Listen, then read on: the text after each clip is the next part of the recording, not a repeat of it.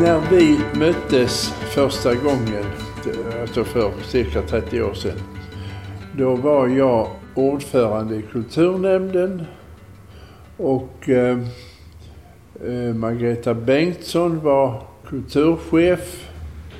Hon ringde en dag och sa att här har varit en, en flicka eller kvinna som är oboist och hon vill gärna hon vill starta en kammarmusikförening. Och eh, vi satte oss ju ner och undrade hur i hela friden ska vi, hur ska vi hantera det här? Eh, vi insåg ju att eh, det är ju en kostsam historia och eh, ja, det var... Jag, jag, jag, stannar där så får du berätta eh, hur, hur du kom på idén och, och, och varför du kontaktade oss i Båstad. Ja, Helene Jaren heter jag och är som sagt oboist och eh, solist. Eh, reser, reste då runt överallt i Sverige och utomlands. Och det som jag ville starta då primärt det var ju en kammarmusikfestival.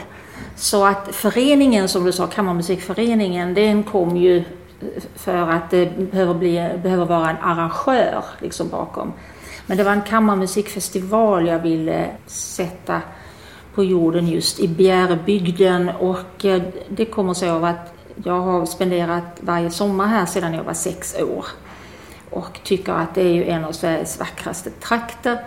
Och det är en väldigt kulturrik bygd. Här finns en massa konstnärer ute eh, i stugorna. Och eh, både målare och skulptörer och eh, keramiker och alla olika möjliga konstformer. Eh, det som inte fanns här, vad jag såg, eh, det var ju kammarmusik.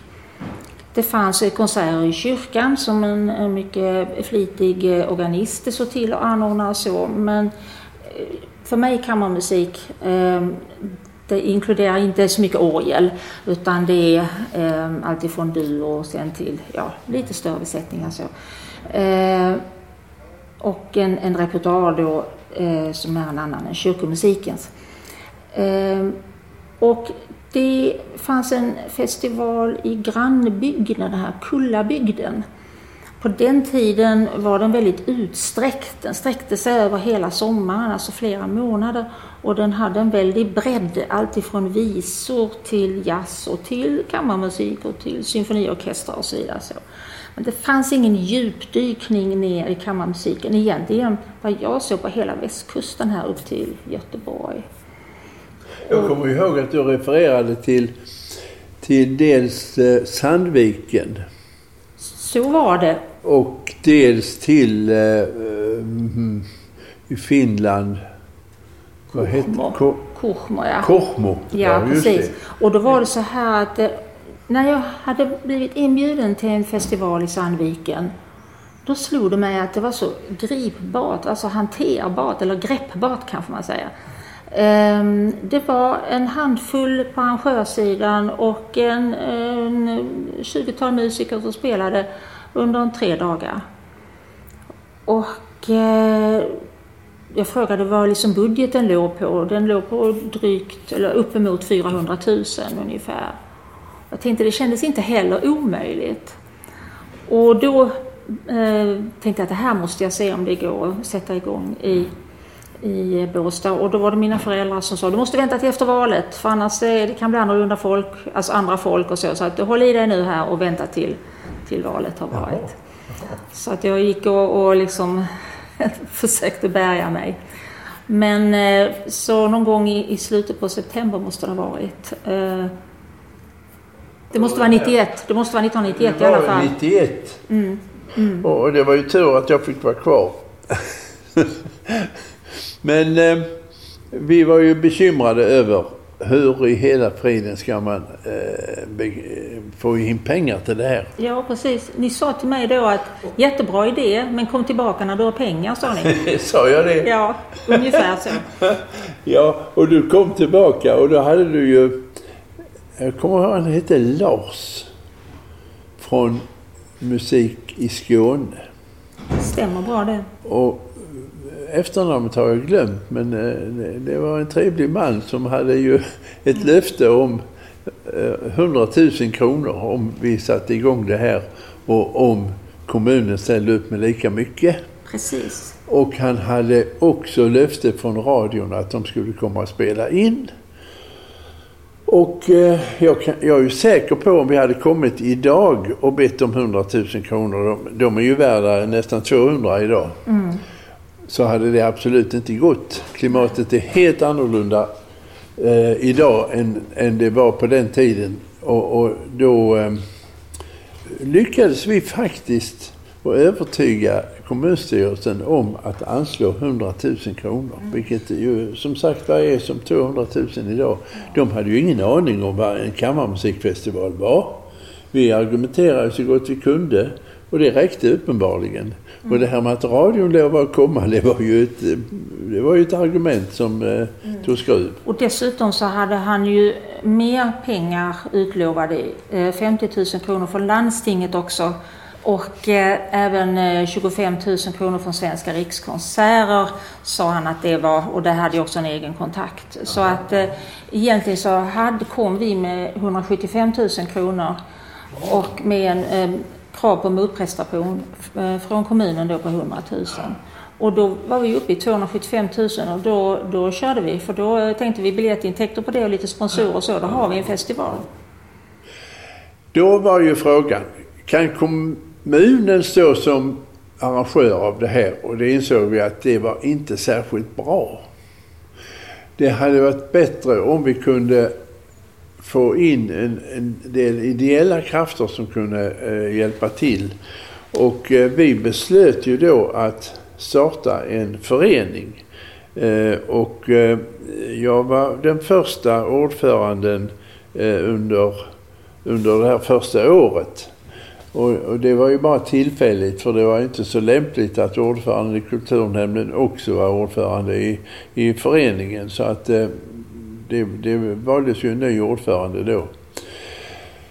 Men det var ju inte bara det som var ett problem som måste lösas. Vi måste ju hitta någonstans där vi kan spela.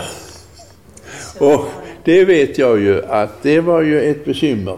Men Gösta Sundqvist var ju en man, han var äldst i det här gänget som, som eh, anmälde sig och ville vara med i föreningen och så. Och han var ju den yngste i tankarna för han hade ju framtiden väldigt klar för sig. Och jag vet ju att du och Gösta åkte runt. Du hade Åboen med dig och ni gick runt och, och eh, spelade i alla möjliga konstiga lokaler. Ja, det gjorde vi. Vi, vi spelade i alla sådana här lite tråkiga kommunala inrättningar och, och, som vi sågade direkt eh, akustikmässigt och så. Och sen var vi och knackade på hos bönder och, och bad att få titta på deras lador och så vidare. Och, ehm, och med ett roat svar då. De var ju snälla och trevliga. Jag kommer inte ihåg allt överallt där vi var. Men någon tipsade om den här ladan mittemot Apelrydsskolan, tillhörande Apelrydsskolan. Och eh, Gösta såg ju då potentialen direkt i det att man kunde till och med ha en, en första balkong här. Ett, en parkett och sen en första balkong och sen då scen framme i den här hästskoformade ladan.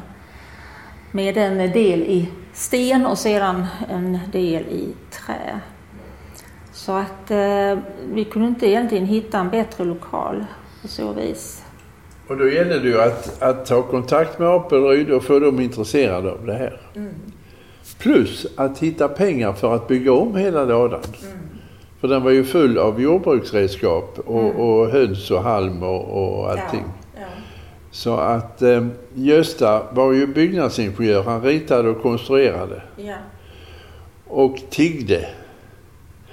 Och jag vet ju att vi fick pengar från någon fond som heter Malmströmska fonden. Hur mycket det kommer jag inte ihåg men det var ju, men, men han faktiskt tiggde ihop. Mm. Och vi hade ju min morbror som var biografdirektör, han fick tips om att en biograf i Hyltebruk skulle byta bi biografstolar. Och då fick vi dem eh, gratis och de till och med körde ner dem åt oss mot eh, att vi betalade för bensinen.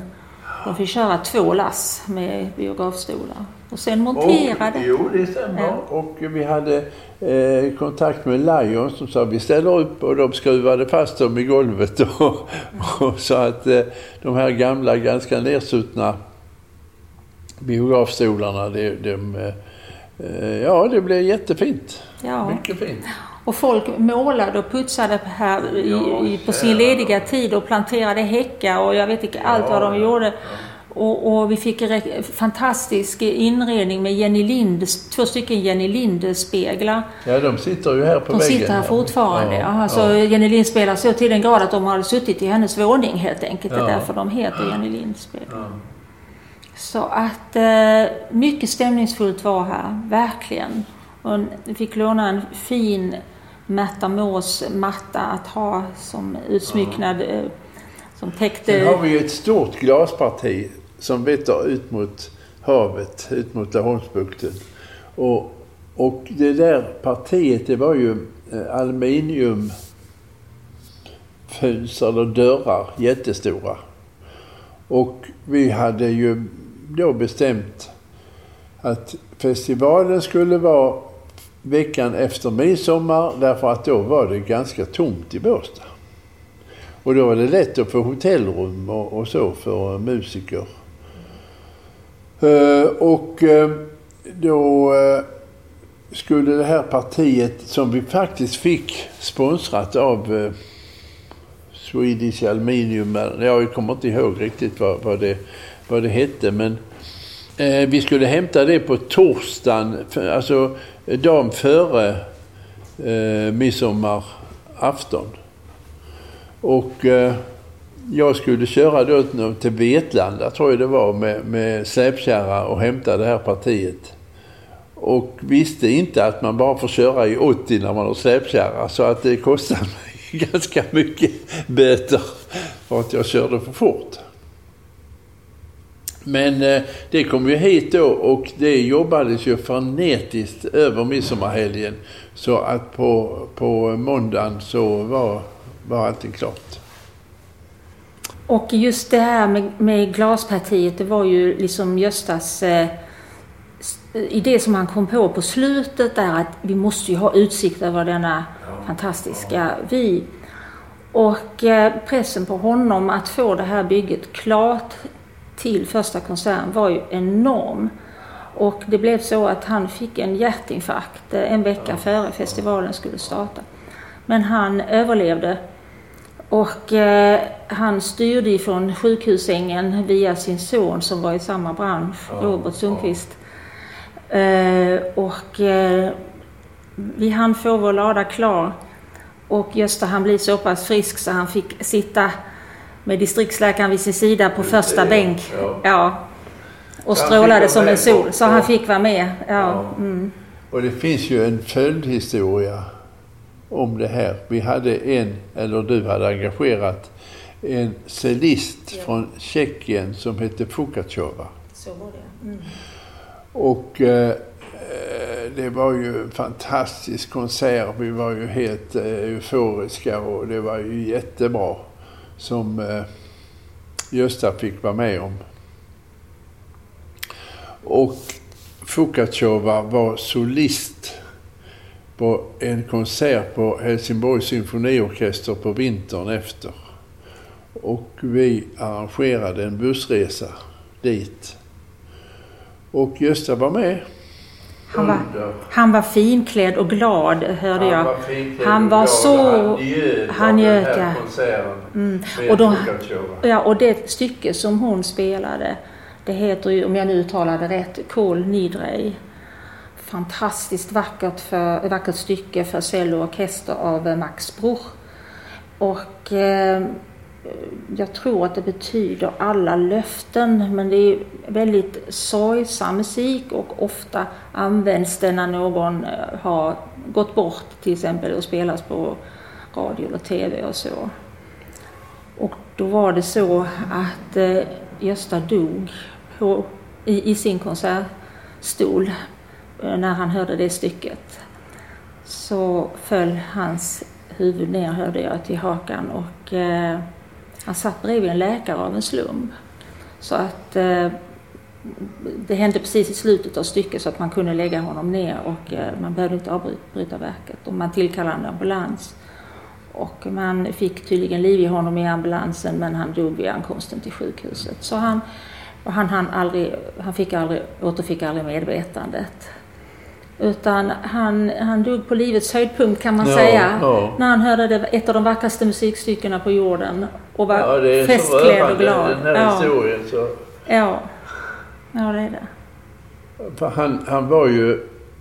Ja, den allra viktigaste var ju du som kom med idén och, och, och så. Annars så var ju Gösta eh, de första tiden där den viktigaste personen faktiskt. Ja, absolut var han det. För han, han ja. drev ju det här av väldigt stort intresse och, och eh, ja, det var en stor förlust att vi, vi, vi förlorade honom men, eh, men han gjorde något storartat. Mm.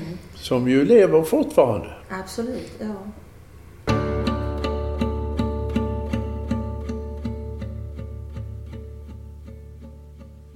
Då är vi väl framme vid första festivalen. Jag kan just berätta en liten, eh, eh, ja, rolig om man kan säga så, historia. Och det var ju det att, som du sa där, så, så jag fick besked om att du kan bara lägga festivalen på en vecka. Eller en vecka. Det, det, finns inga alternativ utan det är den här veckan efter midsommar som, som är, du får inte lägga den någon annanstans utan det får vara den veckan. Ehm, och det var hotellnäringen som fick bestämma det och eh, det var ju viktigt såklart. Samma vecka så fanns det ju givetvis någonstans i vårt avlånga land någonting annat.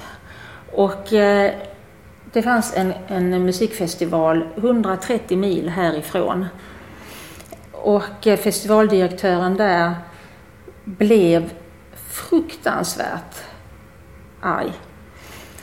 Ehm, och eh, han, eh, han häcklade mig lite och sa, hur kan du eh, prata om eh, Kuchmo-festivalen, du har aldrig varit där. Och sen sa han för sig själv, jag ska se till att du aldrig kommer dit heller, för han ringde till dem och sa, ni får aldrig invitera den här oboisten. eh, han blev så arg och, eh, och eh, när jag träffade honom eh, i samband med en festival i Finland så frågade jag honom varför han liksom var så arg på mig. Och då, då kommer jag inte ihåg riktigt vad han sa, men han avslutade med Och Gud ska se till att jag får min hämnd, sa han. Så att han åkallade Guds vrede över mig för att jag hade lagt festivalen på samma vecka som hans 132 mil ifrån Båstad. Så, ja, det, så det, det, har jag inte hört för det här. Nej, men, men, men eh, eh, så det bevisar ju att det var en väldigt, han tänkte att då kommer alla folk åka till Båstad istället för till Arjeplog. och, och, det var ju så med första festivalen att den blev otroligt framgångsrik. Eftersom att jag fick besked om att ja, du får börja ordna en festival om du har pengar med dig så var det lite så att jag höll i budgeten också just första året. Och då vågar jag inte budgetera för mer än att, att 10% av intäkterna, intäkterna det skulle komma från biljetterna. För att jag visste ju inte hur mycket vi, vi kom till att sälja. Och eh, vi sålde slut på alla konserter. Vi hade konserter i sex dagar. Och eh, vi sålde slut på alla konserter då, utom Då var ju inte en. balkongen, eh, den var inte färdig Nej, nej men det var ändå 200. Men, men det var lite negativt därför att det skrevs ju i alla tidningar att det var fullt i Båstad. Mm. Och det var många år efteråt så sa man att det är inte lönt att försöka få biljetter till Båstad för där är ju alltid fullt. Mm. Vilket ju inte var sant för att året därpå så hade vi ju den, balkongen här på, ja. Var det 50 platser till eller? Vad ja, minst. Minst, minst ja. ja. Mm. Så, men, men i alla fall så, ja. så blev det ju så, så blev det ja, ju det en flygande start. Ja, det blev det. Ja. ja. Jag kan väl säga att första året så var vi ju en liten stad. Vi var ju, ja, vi brukar säga 15 personer. Som gjorde allt från att bre smörgåsar, laga mat och köra buss och sälja biljetter och ja, allt, allt. Under festivalen? Under festivalen, ja. ja. det var. Och, och jag kommer ju ihåg hur jag och Margareta Bengtsson, vi var och lämnade eh, eh, finska musikanter på, på eh, Sturup med varsin, varsin buss. Eh, och när vi hade kört tillbaka, parkerat bussarna, så, sa vi, så tittade vi på varandra. Vad har vi varit med om? Och sen gick vi en lång promenad på stranden och för att komma tillbaka till verkligheten. För det här var, alltså vi, vi höll på från, eh, man kan säga till ett på natten och sen började vi sju på morgonen i, i sex, sju dagar. Och vi var helt borta från, vi visste inte vad som hände i världen. För vi var helt uppslukade. Och, och, och, vi bara gick där för att försöka komma tillbaka till, och vi visste inte om det hade hänt eller det var en, en, en hallucination eller vad det ja, var. Ja. Eh, så det var ju en stor upplevelse. Men jag kan säga att en, en, det som gjorde att jag blev helt frälst för kammarmusik, det var att jag körde Orlando-kvartetten ut till Torekovs kyrka för de skulle öva där. Och så jag låg ju i en kyrkbänk och, och, och lyssnade på hur de övade. Och då spelade de Döden och flickan. Så då tänkte jag, är det detta som är kammarmusik? och jag blev helt, jag blev helt tagen. Det har varit ett, ett, eh, ett stycke som jag har eh, lyssnat på säkert hundra gånger sedan dess. Och det, det var ju och sen i primarie där var ju Engegård, Arvid Engegård, som sedan eh, startade sin egen festival och, eh, och en egen kvartett. Ja, precis. Både och ja. Eh, och som har varit här ett par, tre gånger sedan dess. Så att, ja. Han och Orlando-kvartetten, det var en stor upplevelse med mm. Döden och flickan. Ja, de spelade första året. De var ja, fantastiska. Ja. One of Schubert's most famous songs, Der Tod und das Mädchen, Death and the Maiden. The girl, tossing on her bed of sickness, gasps when she sees the spectre of death, Away, away, grisly spectre, spare my life. But death replies, Give me your hand. I've come to soothe you and send you to sleep. Death, as depicted in this song, is a comforter and not something to be dreaded. Vi hade ju ingen aning om då att det här skulle hålla på i 30 år. Nej, men jag hoppades givetvis att, att när jag slutade festivalen och gav den vidare till en, en uh, kär kollega att den skulle bli en festival som höll igång i årtionden framöver. Ja. Så som eh, Musik i Kullabygden startade väl redan på 40-talet, va? efter kriget, kriget någon gång. Var det inte 47 eller någonting? Jag kanske minns fel, men som sagt, eh, den hade ju en annan form. Men som, eh, som fenomen så hade den ju existerat i många årtionden. Så att... Alltså vår festival skiljer sig ju väldigt mycket från Kullabygden genom att den, den är ju väldigt bre mycket bredare Eh, den pågår under flera veckor och det är en, eh, tre, kanske tre, fyra konserter i veckan på olika platser varje gång. Och framförallt att det är olika genrer. De har ju Helsingborgs symfoniorkester ofta en konsert i Krapperupshallen. Där jag för övrigt upplevde uh, Janine Jensen. Som också var här på festivalen. Som också har varit I här. I allra sin tidiga eh, ja, början av karriären. Vi, ja. vi är så stolta över att du lyckades få hit henne. Det var ju mm. helt fantastiskt. Och, och, och henne har jag lyssnat på där och det, det var ju en stor upplevelse. Mm. Vi kan väl också säga en annan världsartist som har varit här. Ja, vi har haft så många. Vem tänker du på? Kavakos. Ja, Kavakos, ja. Alltså att han, att han har varit här, det är ju... Ja, det är det. Ja, det är stort. Ja, ja det är stort. Mm. Eh, och eh, du, jag vet du brukar säga det att ni, ni, ni, ska, ni ska få höra på musiker här som ligger precis innan de, de slår igenom eh, som världsartister. Och eh, det, det slog in på, på flera stycken. Ja. Och sedan hade vi ju flera etablerade. Eh, jag tänker på eh, Kavakos hade ju redan en stor karriär när han kom hit men det är klart att den har utvecklats ännu mer. Men en som verkligen eh, hade haft en lång internationell karriär och fått folk att köa och sova i sovsäckar utanför Metropolitanoperan i New York tre dagar innan han skulle framträda där. Det var ju finländske baritonen Jorma Hynninen. Ja. Han Ja. kom ju hit och spelade, eller sjöng, förlåt, eh, sjöng. Och eh, att vi fick hit honom det berodde ju på att vi arrangerade en konsert med hans dotter då. Han ville göra ett program med sin dotter som spelade harpa. Och det blev en Ja, fantastisk konsert. det. Men då blev Birgit Nilsson väldigt sur. För hon ringde till mig och sa, vad, vad ska jag nu göra? Ni har ju slått undan benen på mig alldeles. Hon skulle ju ha sina Nilsson-dagar eh, eh, två veckor senare. Vad, vad ska jag nu? Eh, ni har Hynninen, vad ska jag göra? Hon var riktigt sur. Och, eh, och då fick jag blidka henne med att och, och säga att ja, men om, om, om du får låna vår flygel som vi hade fått ifrån eh, flygelfirman i Köpenhamn, om, om du får den gratis. Ja. Det var väl lite så, för hon, hon skulle ju invigningstala, var det inte det året hon skulle Jo. invigningstala? Ja. Och hon hotade väl att hoppa av och, och, och liksom, hon var väldigt arg. En annan artist som vi inte var riktigt medvetna om var så stor det var Amer Lang, eh, den amerikanske pianisten. Och eh, eh, jag har ju hållit på med biljetter under alla år här. Och det ringde ju folk och frågade, är, är, är det sant att han ska komma? Ja, visst, eh, visst är det det. Men vet, ni, vet ni vilken stjärna det är? Det är ju en av eh, de största i världen.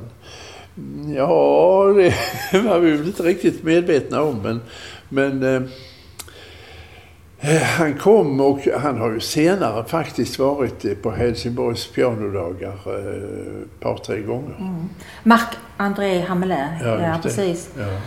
Nej, han eh, och... eh, Och hans hustru som var kabarésångerska. Ja, precis, precis. Finns det fler sådana här minnen? Ja, det gör det ju många, men... Men att det komma fanns på en, dem... en rysk pianist som hette Demi Deco eller någonting sånt där. Som eh, han, han var helt absorberad av sitt spelande. Han, han verkar som han eh, visste inte riktigt eh, eh, var han befann sig utan det var ju musiken som var det viktiga. Jag, vet, jag körde honom och han öppnade dörren och slog den rakt in i ett, i ett staket.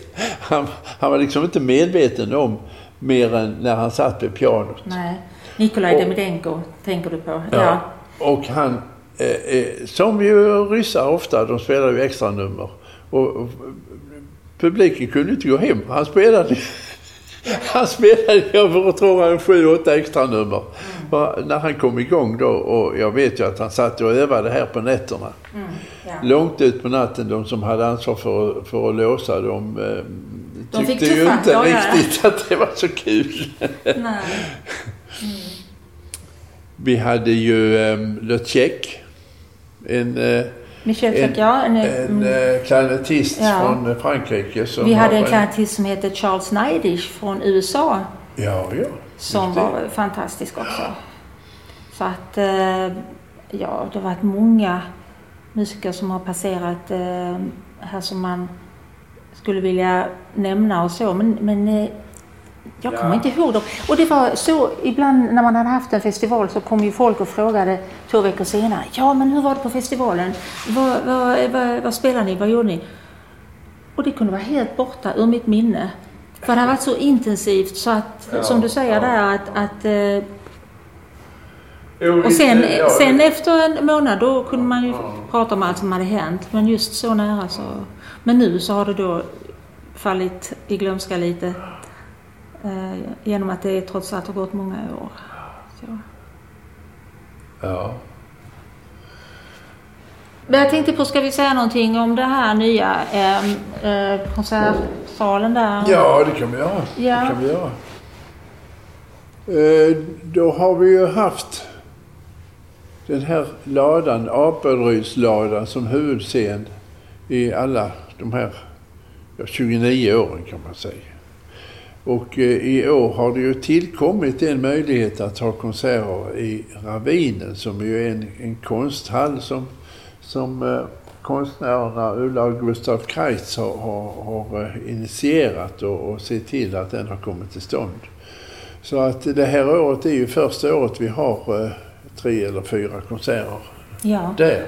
Och jag kommer ihåg redan första året så Eh, presenterade du eller någon annan mig för konstnärsparet eh, Gustav och Ulla Kreitz som var ju fantastiska. Jag var så glad att lära känna dem och eh, sett deras konstverk. Ehm, och då berättade de för mig att de hade en vision. De ville tacka bygden för att de fått ett sånt bra liv här. Gustav var ju flykting från Ungern. Ulla kom från Sverige, de hittade varandra och så småningom så slog de sig ner här i Bjärbygden på södra sidan av Hallandsåsen. Och eh, de ville bygga en konsthall. Och så sa de, vi vill att det ska finnas en sal för kammarmusik. Och det tyckte jag lät helt underbart. Tänk, det var ju som att få det på en silverbricka. Och sen var det ju väldigt eh, lite över stockar och sten för att det var olika förslag på var den skulle ligga och, och det stötte på motstånd från olika håll.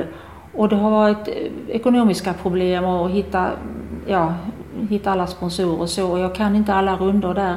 Men nu finns ravinen inför grindarna precis innanför Norrvikens trädgårdars grinda. Och den ligger så fint, smälter fint in i omgivande natur. Har stora fina eh, lokaler eller mm, salar för konst och en alldeles utmärkt sal för kammarmusik.